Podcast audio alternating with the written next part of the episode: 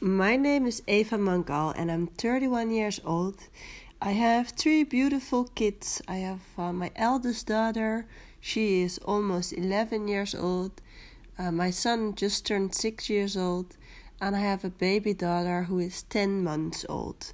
Um, I'm happily married with uh, my husband for for around 11 years now, and we both are uh, living in the Netherlands. Uh, my origin is also Dutch, and my husband's origin is from Suriname, and then uh, the Hindu Suriname uh, culture. Well, I'm really happy that I can share my story with you because my story says all about how uh, what happens when you really are daring to become truly yourself and what I do in my daily life right now is that I'm a coach, I'm an online business coach, and I combine this with my spiritual gifts because I'm a millennial medium.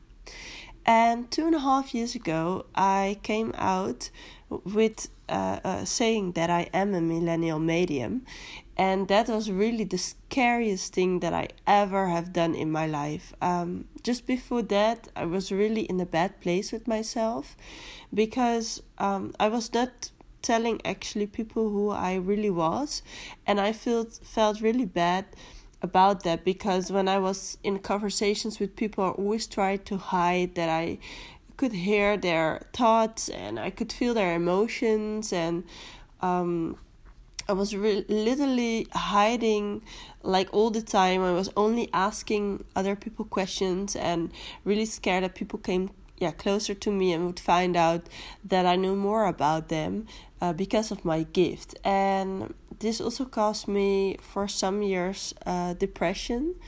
Um, and actually, that year it was going really well with me and my family.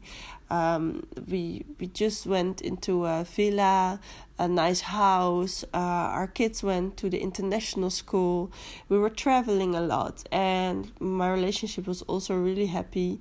And we were also helping a lot, a lot of people uh, with health those days. And but the only thing was that I was really actually depressed and was also feeling bad about it because I thought, yeah, everything is actually going really well. Why am I, you know, not feeling well? And um, of course, I knew what was underneath it, but but it gave me a lot of stress. And in the end, it also what happened was that I could not feel my arm or I could not feel body parts of myself. And one time, even the ambulance needed to uh, be called at our house, and they couldn't find anything. The doctor said, uh, maybe you have a lot of stress, maybe that is the case. And and I just realized that I really knew what was happening, and that I re- need to come forward and need to be straight about that I am a medium and that this is my gift. So um, I I literally made a movie and I put it on Facebook. There was no Facebook Live back then.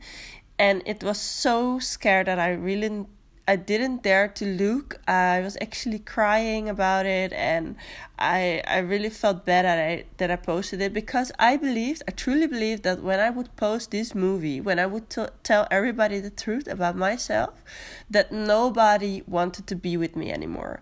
That everybody would think that I was crazy, um, and things like that. So it was really a big scary picture in my head, and actually, maybe you have uh, had a uh, sort of the same situation that you went through your biggest fear.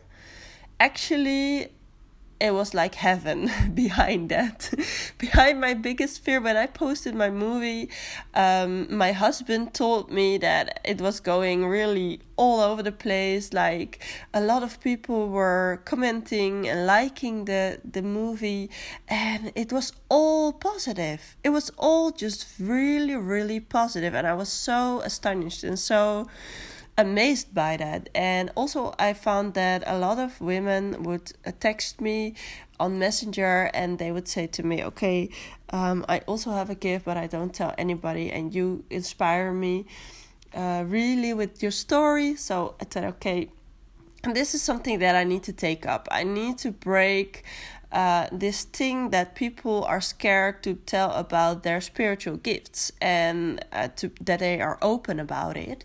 So I really took a stand. I I, I was in several magazines in the Netherlands. Uh, I was I'm speaking on my Instagram a lot about it, and I'm just being very visible and open with it.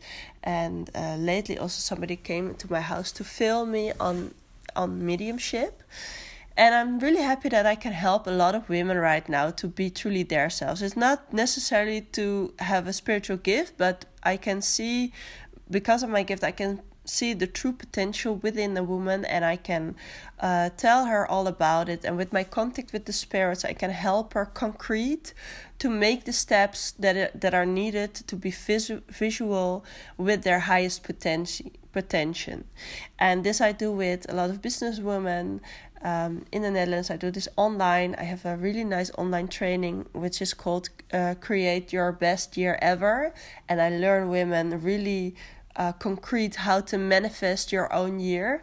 And it's working really well. I have a lot of lot of uh, good um, recommendations about it as well.